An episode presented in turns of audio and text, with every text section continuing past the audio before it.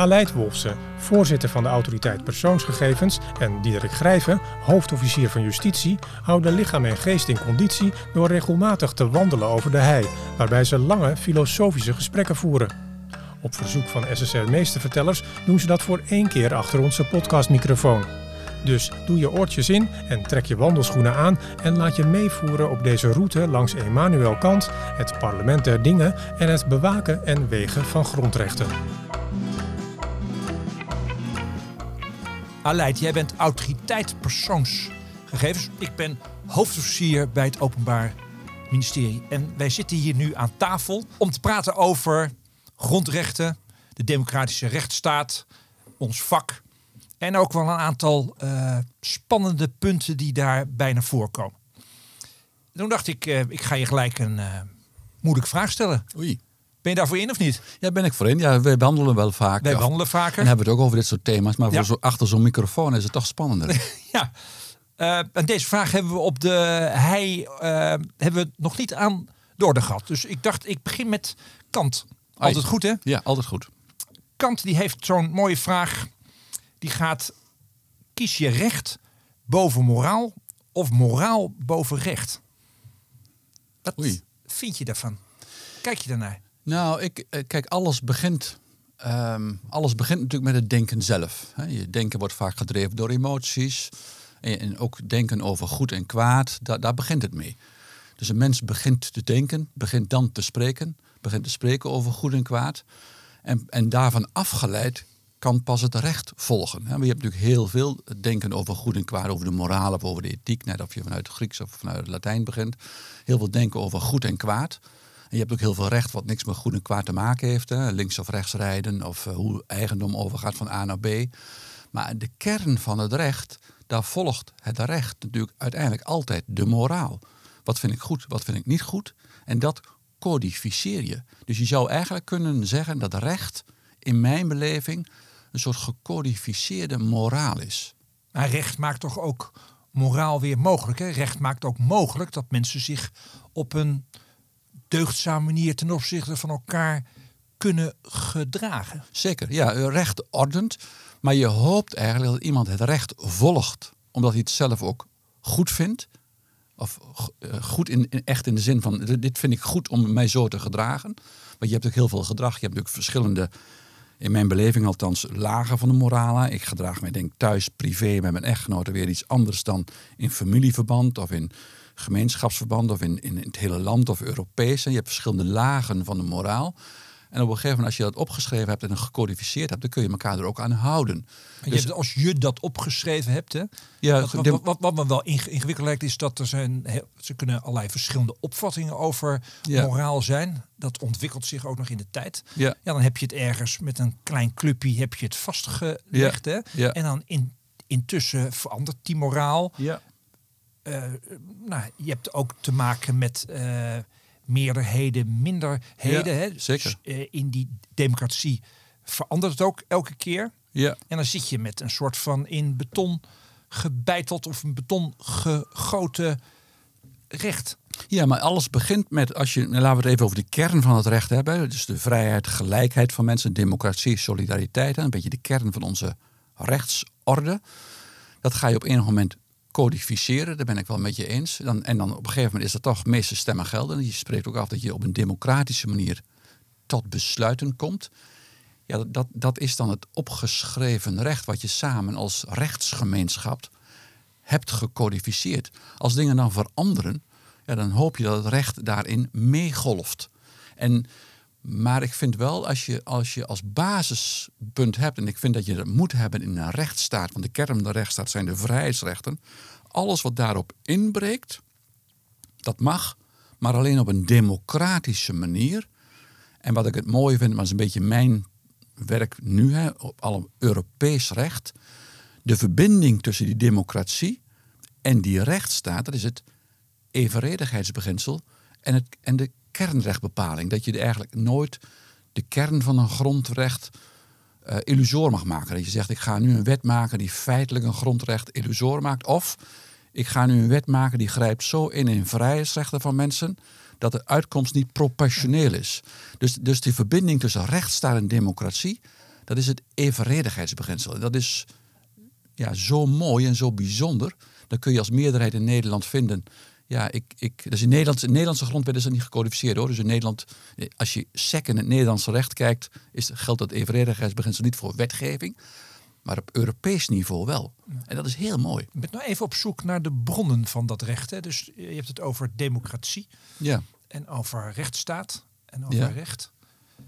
En het woordje volk vind ik ook wel ingewikkeld. Ik moet even denken aan de Founding Fathers en de Amerikaanse Constitutie.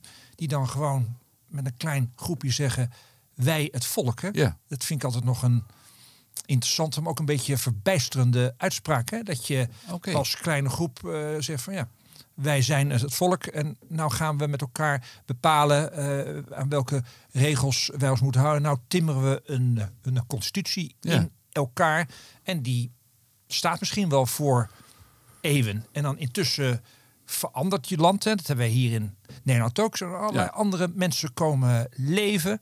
eh, ook uit andere culturen. Misschien ook nog wel met andere mores.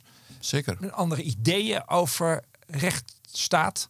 Ja. Maar bij het volk, dat is natuurlijk, dat is natuurlijk, dat was natuurlijk eigenlijk bijna, als je kunt zeggen, totaal misplaatst. Want dat was natuurlijk in de tijd van de slavernij in Amerika. Ja. Dat kan natuurlijk helemaal niet. Dus wij het volk kan heel goed kloppen als je bedoelt wij het volk, alle burgers van deze rechtsgemeenschap, niemand uitgezonderd, allemaal. En dan, kunnen wij, en dan kan wij het volk zeggen, dit is onze grondwet.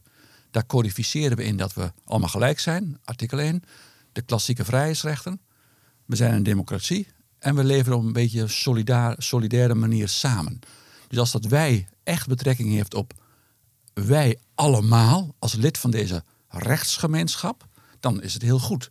Maar dat kun je niet zeggen als je maar een kleine minderheid bent en je hebt in je land slavernij. Ja, dan, dan, dat kan natuurlijk niet. Dus uiteindelijk gaat het ook om de oprechtheid Exact. dat je met elkaar iets wilt maken. eh, waar in ieder geval ook de gelijkheid van die burgers Bazaal. gewaarborgd wordt. Bazaal. En waarbij je ook aan iedereen vrijheden geeft. Hè? Zeker. Jij noemt het ook grondrechten. Ja. Er zit een lijntje tussen grondrechten en vrijheden. Hetzelfde. Maar als dat je bedoeling is, Ja. dan wordt het daarna wordt het een soort van wel eh, leerproces waarin je met elkaar zit. Ja. En misschien moet het ook wel eens aangepast worden. Ja. Maar dan zie je een voortdurende wisselwerking hè, tussen eh, democratie Zeker. en rechtsstaat. Maar ergens moet het beginnen. ja.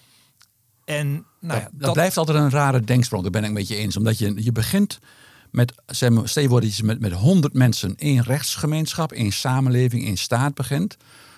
Dan is het begin dat al die 100 mensen tegen elkaar zeggen, we zijn als mens uniek.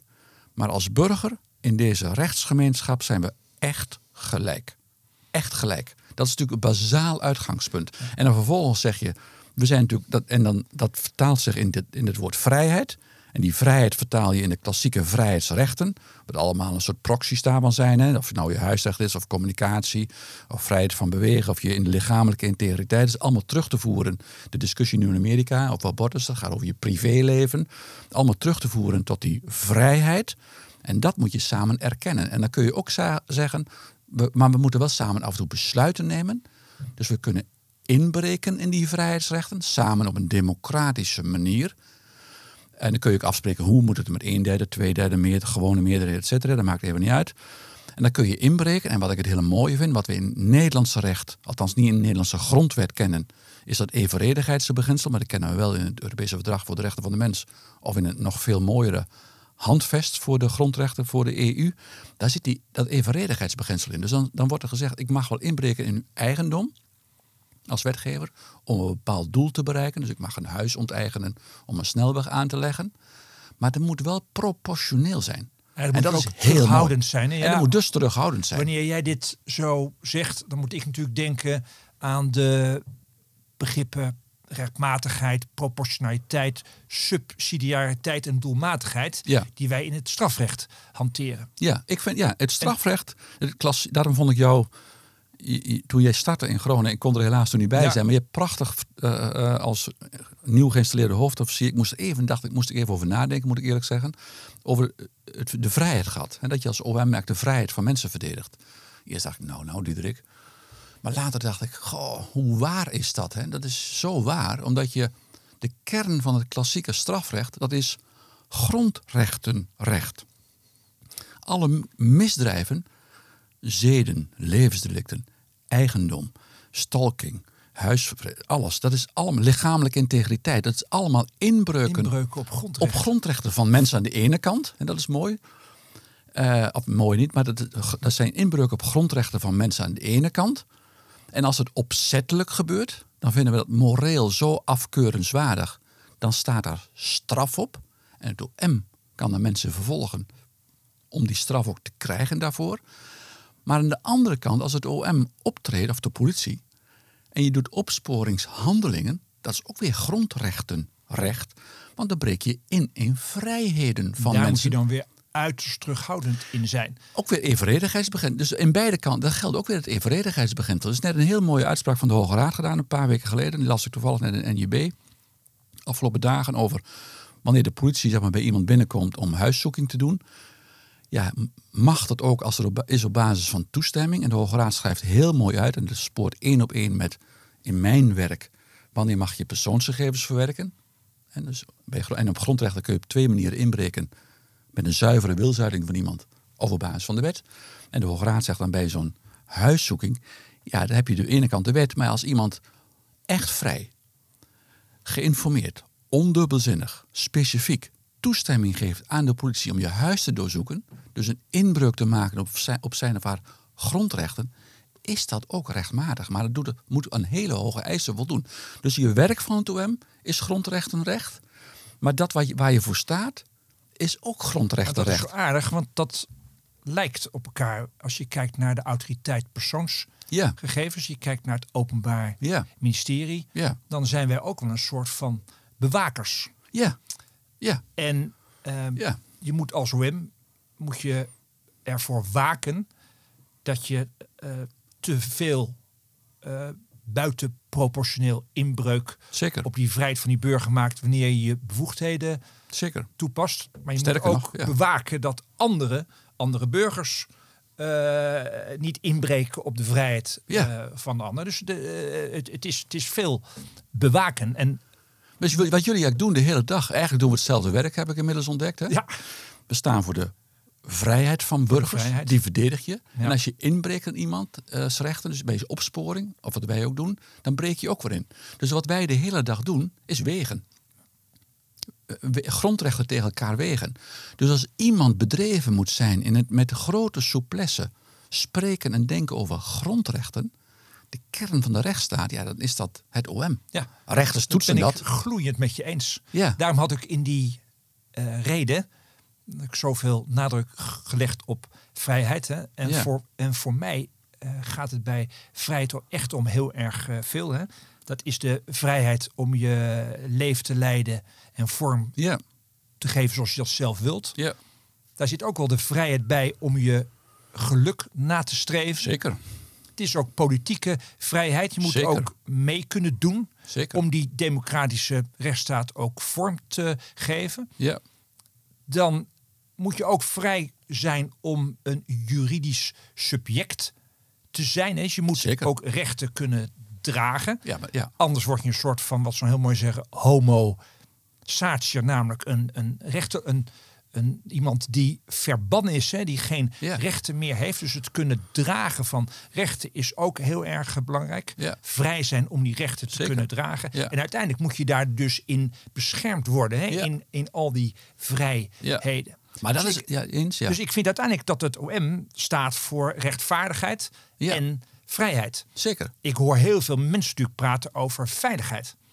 Is ook een grondrecht. En dat is ook een grondrecht. Zeker. Voor mij is die veiligheid vaak de voorwaarde om ook die andere grondrechten Ja. uit te Ja. kunnen oefenen. met je eens. Ja, en dat vind ik het mooie van het hele denken van Rousseau en, en Kant en die hele aanloop naar de Franse revolutie en de Amerikaanse revolutie.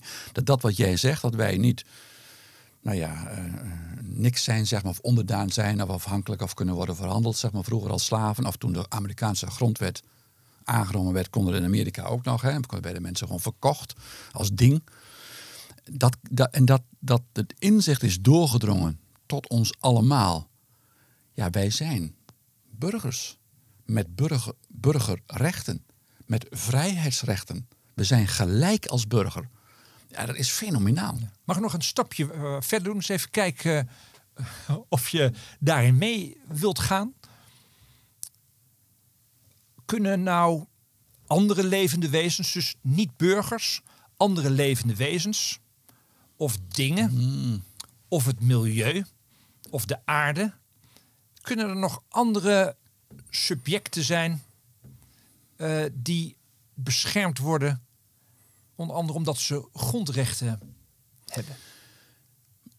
Bij het, mil- ja, je, kunt, je zou kunnen zeggen, maar dus, hier hebben we het ook nog niet eerder over gehad, moet ik eerlijk bekennen tegen ik de luisteraars. ergens mee proberen Ja, te overvallen. Ik, nou ja, ik vind, was, ik was laatst had ik in de radio, er werd, was er een discussie, ik weet niet waar het was. Het ging, ik dacht in Amerika, dat het was over een, een, een, een aap of zo, of, of een olifant, ik weet niet meer, die was gevangen en was van zijn vrijheid beroofd. Daar ging het ook over dit soort type discussies. Dus daar heb ik ook een tijdje over zitten piekeren. En ik denk wel dat je uiteindelijk kunt zeggen dat alle levende wezens, ja, dat je die niet zomaar...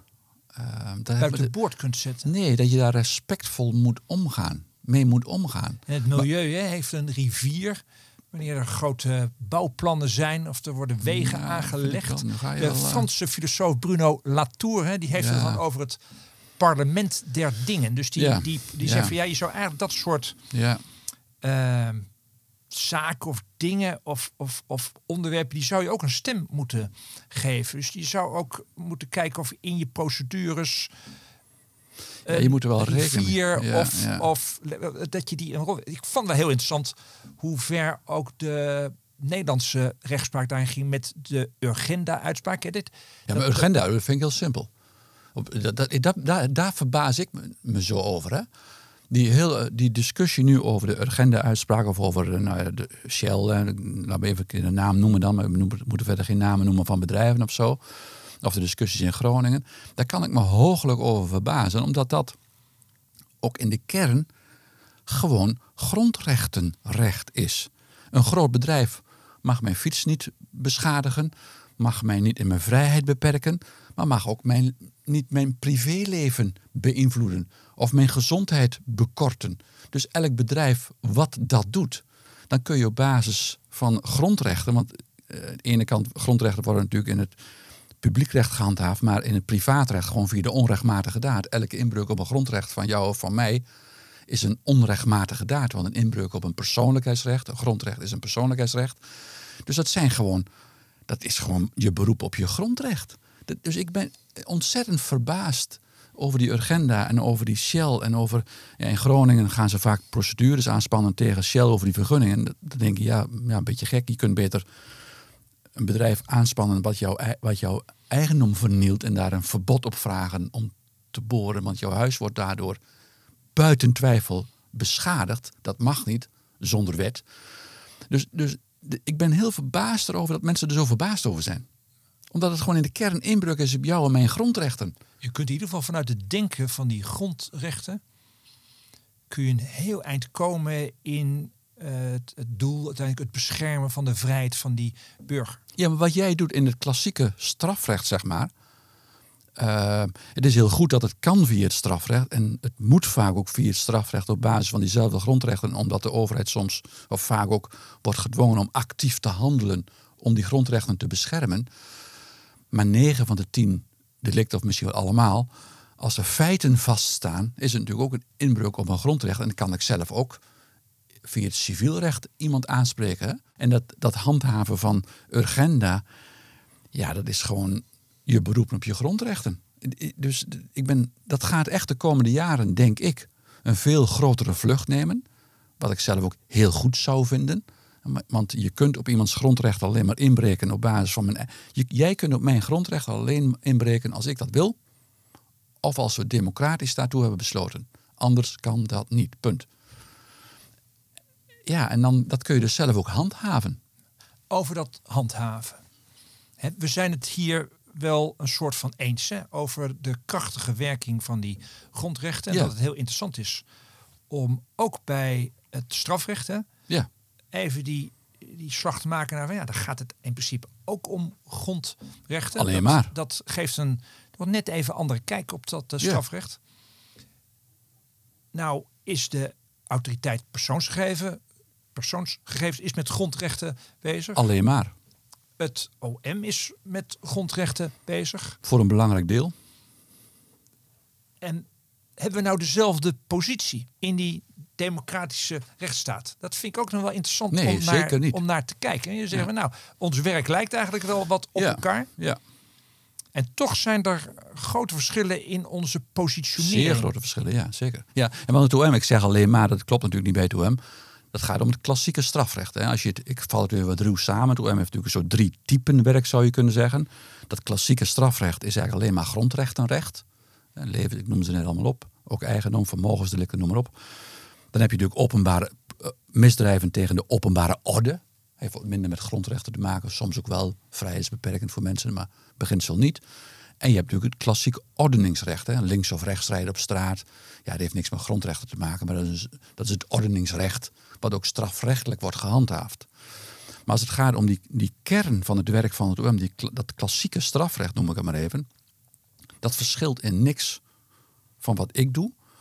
Wij als autoriteit persoons, ik ben niet alleen de autoriteit, maar we zijn met z'n drieën, drie, drie bestuursleden, die samen de autoriteit persoonsgegevens zijn.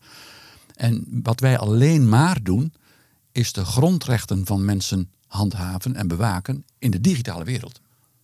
Dus zodra het digitaal is en persoonsgegevens, dan zijn wij ervan. En, dan, en onze positie, dus het, in de kern verschilt ons werk in niks dan. Maar onze positie zeer, want wij, zijn, wij hebben op basis van het Europese recht een, een onafhankelijke positie. Totaal Even nog identiek. iets, dus nu, nu noem je het woordje onafhankelijk. Ja, En ik weet dat je in een van de volgende zinnen zou je kunnen gaan zeggen dat het Openbaar Ministerie in de kern niet onafhankelijk is. nee, de Openbaar Ministerie is in niets onafhankelijk. In niets onafhankelijk. Nee, omdat, nou, eh, staatsrechtelijk bedoel ik. Hè? Eh, en want in het Nederlandse recht kennen we dat eigenlijk niet zo goed onafhankelijk. Onze grondwet zegt nergens dat een rechter of dat iemand onafhankelijk is. Die onderscheidt alleen maar functies. Hè? Je hebt een parlement of een ombudsman of een raad van state, rechters. Die, die hebben, ze hebben allemaal eigen verantwoordelijkheden, maar nergens staat het dat die mensen onafhankelijk zijn, of die, of die instellingen, het gaat niet om mensen, onafhankelijk zijn, dat komt nergens voor. Maar in het Europese recht, dat eist onafhankelijkheid. Van rechters ten opzichte van de bestuurders en ten opzichte van de wetgever. En dat is een beetje de Onafhankelijke justitiële autoriteiten. onafhankelijke justitiële autoriteiten. Ja, daar is Dus- veel gedoe over. Ja, maar dus en, en bij, voor ons is dat Europees rechtelijk vastgelegd, zowel in het handvest voor de grondrechten voor de EU als in het verdrag op de werking van de EU, dus dubbel geborgd. En het Hof van Justitie heeft het ook heel mooi beschreven. Die heeft inmiddels ook gezegd: het onafhankelijke toezicht op de naleving daarvan is een essential component, zoals zij dat noemen dan, een, een, een, een essentieel onderdeel van dat grondrecht. Dus zodra wij niet onafhankelijk zijn, of wij worden ons niet onafhankelijk opstellen, dan schenden we als het ware het grond, dat grondrecht zelf ook. En het OM is voor de volle 100% ja, ondergeschikt aan de minister van Justitie. Dat is in Nederland zo afgesproken. Andere landen van de EU is het soms anders. En op Europees niveau, het Europese OM is ook onafhankelijk. Maar je moet niet onafhankelijk worden wel eens verward van ja, onafhankelijk. Er zijn heel veel mensen die noemen zich onafhankelijk, maar dan bedoel, wordt er alleen maar bedoeld, ik bemoei me niet. Ik geef je een zekere professionele vrijheid.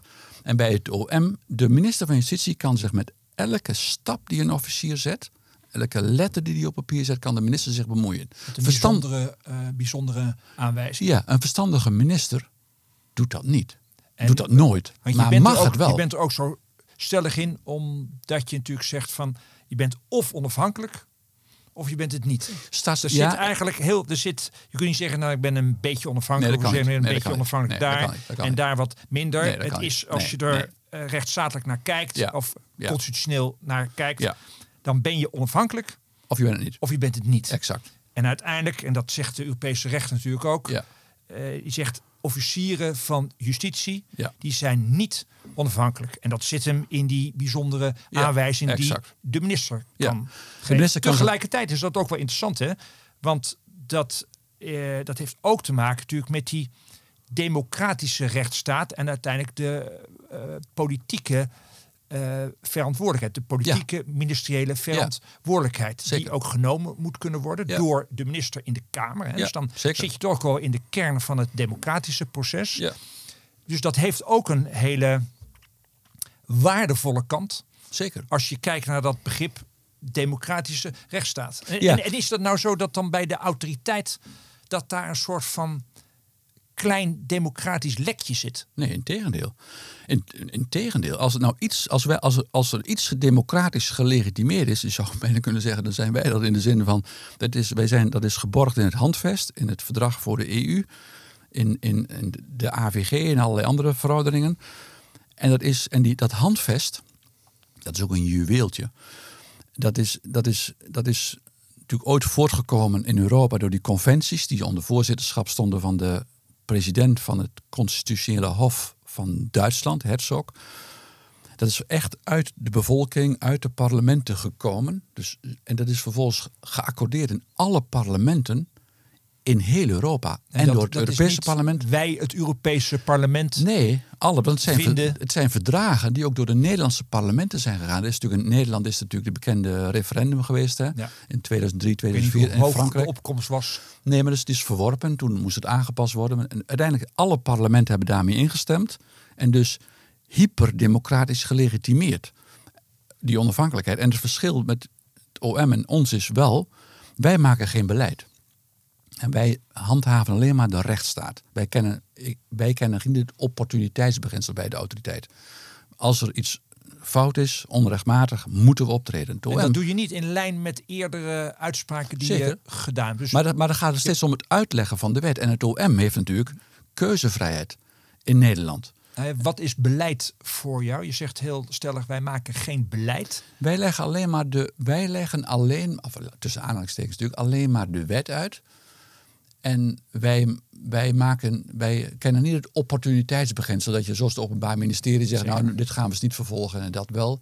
Dat kan bij ons niet. En dat zou ik ook niet goed vinden als het wel zou kunnen. Want als wij dat wel zouden kunnen doen en we zouden wel beleid kunnen maken, dan verdient dat ook democratische legitimatie. Althans door een minister in het parlement, zoals bij het OM. Net zoals bij het Openbaar Ministerie. Ja, en, en omdat het OM natuurlijk wel beleid kan maken en wel het opportuniteitsbeginsel kent, ja, dat, dat verdraagt zich niet zonder democratische legitimatie. Wij leggen alleen maar verantwoording af aan de rechter en het OM over de inhoud natuurlijk aan de rechter en over het beleid aan het parlement.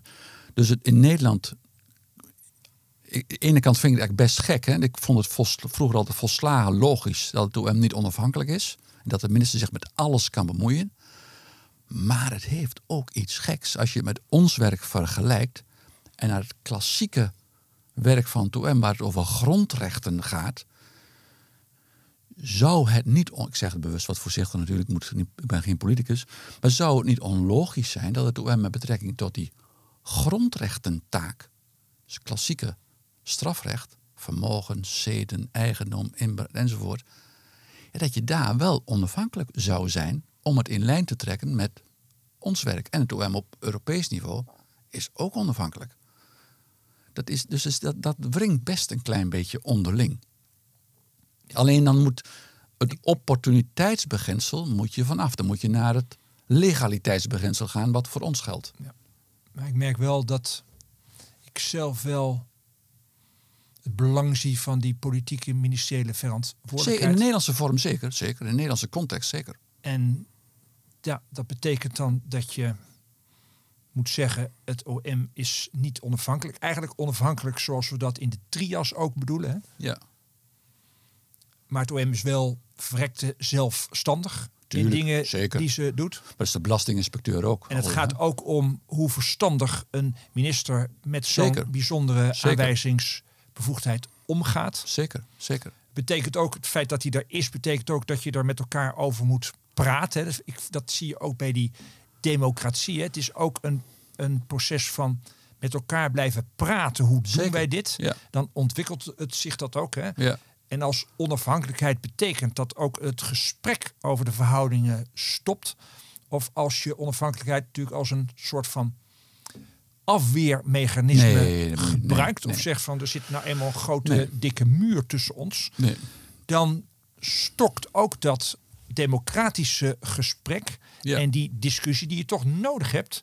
Ook voor de ontwikkeling van die rechtsstaat. Ja, maar dat, is, dat, vind ik, dat vind ik echt het mooie. Ehm, en ik, ik, dat vind ik, het is echt zo briljant van het handvest. En toen die conventie die er is geweest in de, in de eind jaren 90, begin rond 2000, dat het echt doordacht is met betrekking tot ons werk. Want toen is er gezegd, die digitale wereld, die digitalisering, dat gaat zo'n sterke vlucht nemen. Dat is geweldig voorzienend was dat, profetisch bijna. Daar moeten we mensen in beschermen. Dus die, grond, die mensen, die vrijheid waar we mee begonnen dit gesprek, moet in die digitale wereld, die, die heel onzichtbaar is soms voor mensen, daar moet ook de vrijheid van mensen, want daar hebben we het over, in die digitale wereld, moet er ook krachtig worden beschermd.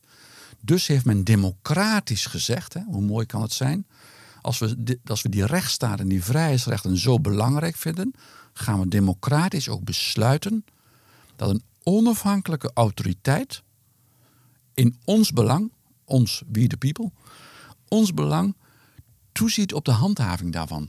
En er mag geen politieke inmenging meer in zitten.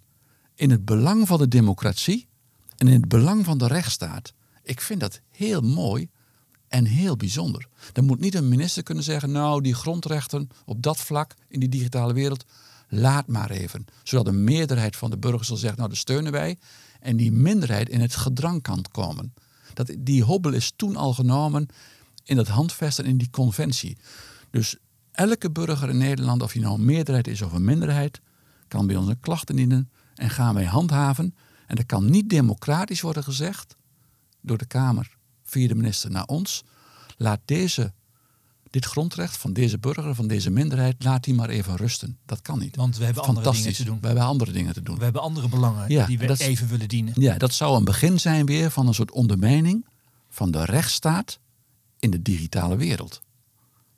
Dat is heel mooi conceptueel, heel mooi uitgedacht. En heel mooi democratisch gelegitimeerd. We en rechtsstatelijk heel goed. Niet over de heide. Ik kan de schapen ook hier niet zien lopen, maar het komt wel in de buurt. Het komt wel in de buurt. Het wordt wel een soort van vredig beeld. Uh, nee, het is geen, nee, nee, het is geen vredig beeld. Maar het is wel die rechts. Eigenlijk is het, ik denk dat dat zit erachter. De rechtsstaat is die. De, de rechtsstaat is, is, is zo belangrijk. Die vrijheidsrechten in de digitale wereld zijn zo belangrijk. En daarom is vanuit een rechtsstatelijk perspectief democratisch besloten dat er onafhankelijk moet worden gehandhaafd. En zo worden minderheden ook het beste beschermd. Dat is, van, dat is echt heel mooi en heel waardevol en heel bijzonder. Diederik, je gaat natuurlijk naar de zittingen. Je zult zelf niet veel zittingen meer doen, maar je hebt het wel heel veel gedaan, weet ik. En als je op zitting staat, vroeg ik me ook wel eens af, hè, met, zo met deze discussie die we nu voeren. En je weet in het achterhoofd, de minister kan meekijken en kan me, ook, kan me mogelijk corrigeren. Dus laat Voor ik misschien... wie sta je daar nou eigenlijk? Ja, die vraag, ja, heel goed. Jij kunt me bijna lezen al, ja. ja. Hebt natuurlijk zelf een toga aangehad als rechter. Hè? Zeker, ja. ja. Maar dat is wat anders dan een officier. Voor wie zit je daar? Die zal ik jou niet stellen. Voor wie staat die officier daar? Ja. Nou, misschien om te beginnen, nooit voor zichzelf. Hij staat er altijd voor het OM als onderdeel van de rechtsstaat. En de gemeenschap die door die rechtsstaat beschermd wordt. De rechtsgemeenschap. Ja, dus Het is uit, je zou kunnen zeggen, uiteindelijk staat die officier daar wel uh, namens de gemeenschap. Niet voor de individuele burger, maar voor de gemeenschap. En die wordt natuurlijk gevormd door die individuele burgers. Ja. Maar bij grondrechten, daar kun je, als je die onderscheid maakt van, het, van het ordeningsrecht, misdrijven tegen de openbare orde en die, en die klassieke strafrecht, wat altijd gerelateerd is aan grondrechten, en in een concrete strafzaak, het concrete grondrecht van een concreet slachtoffer, ik, ik, ben, ik ben zelf in de, in de loop van de jaren ook veel meer gaan vinden. Nu vind ik het zelfs heel sterk dat die officier er ook staat. Ook. En misschien wel primair. Primair. Namens die burger van wie dat, die grondrechten zijn geschonden. En die staat er ook voor de samenleving. Ik zou zelf denk ik beginnen met die burger. En, en het is ook goed dat het OM ertussen zit natuurlijk. Want de, een wraak is onmatig. Als jij mijn fiets vernielt, doe ik jouw auto. Jij steekt mijn huis in brand en het loopt helemaal uit de hand. Dus de, de lex talionis, dat is een beperkende wet. Hè. Recht is dus niet, niet om een oog, niet meer dan een oog. Om een tand, niet meer dan een tand. Dus de officier moet ook iets dempen. Maar hij staat er natuurlijk wel namens die individuele burger. En hij dat staat er voor die burger die beschermd moet worden in zijn grondrecht. In zijn vrijheid. Dan ga ik het toch doen. Want jij bent ook een tijdje rechter geweest. En daar luisteren vast ook rechters naar deze podcast. Waar zit die rechter voor? Uh, de, uh, de, wetgeving is er om het goede te codificeren, zeg maar, voor alle mensen in die, recht, in die rechtssamenleving. En de rechter uh, probeert recht te spreken in de concrete zaak. He, dus die, die probeert.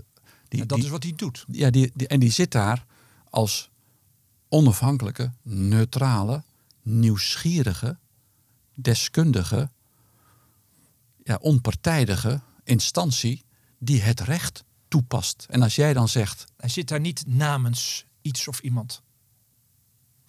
Ja, hij heeft, hij heeft van de, of zij heeft van de samenleving, van die rechtsgemeenschap die samen die wetten hebben gemaakt, daar is een ambt gecreëerd. Een officier van justitie is een ambt. Autoriteit persoonsgegevens is een ambt. Een rechter, zeker, dat is een ambt. Die, die, daar, daar, hoort, die, daar horen verantwoordelijkheden bij. En die pas je toe. Dus je hebt een, hebt een taak gekregen van die samenleving. Om in die concrete zaak recht te doen. Recht te spreken. op een redelijke manier. Dus je zit er zeker ook niet namens jezelf. Integendeel, daarom heb je ook toga aan. Maar je wilt in die concrete zaak recht ook niet doen. namens die burger die meent dat hij in zijn grondrecht aangetast is. Nee, niet namens die burger, maar die burger komt bij die rechter of die officier komt bij die rechter om te stellen: mijn recht is geschonden. En dan weegt de rechter alles tegen elkaar. Het recht van de een tegen het recht van de ander. Dus wat een Kamerlid altijd doet, hè, ik ben ook Kamerlid geweest, het is het grondrechten tegen elkaar wegen. Moet die veiligheid hiervoor gaan of die inbreuken? Dat weeg je in algemene zin. En een rechter weegt dat in een concrete zaak. De, het recht van de een tegen het recht van de ander. En, en, en met uiteindelijk, ja, recht, recht heeft een soort rechtvaardigheid als finaliteit. Je probeert rechtvaardigheid na te streven, maar wel rechtvaardigheid, niet wat je zelf dunkt, maar wel zoals het is gecodificeerd in de wetten waar we het in het begin over je hadden. zit daar voor een rechtvaardige samenleving. Ja, om het recht toe te passen zoals we het samen hebben gecodificeerd. Daarom is er ook zo'n mooi woord, een rechtvaardig. Er zit ook het woordje Ja. vaardig in. Ja, zeker. Voor mij zijn we het daar ook over eens. Ja. Nou, op naar een volgende podcast, volgende Diederik. podcast. Het was mij een waar genoegen. Ja, Dank voor je gedachten. nou, dank voor jouw verhaal. Dit was SSR Meestervertellers. Blijf op de hoogte en abonneer je op deze podcast. Graag tot de volgende keer.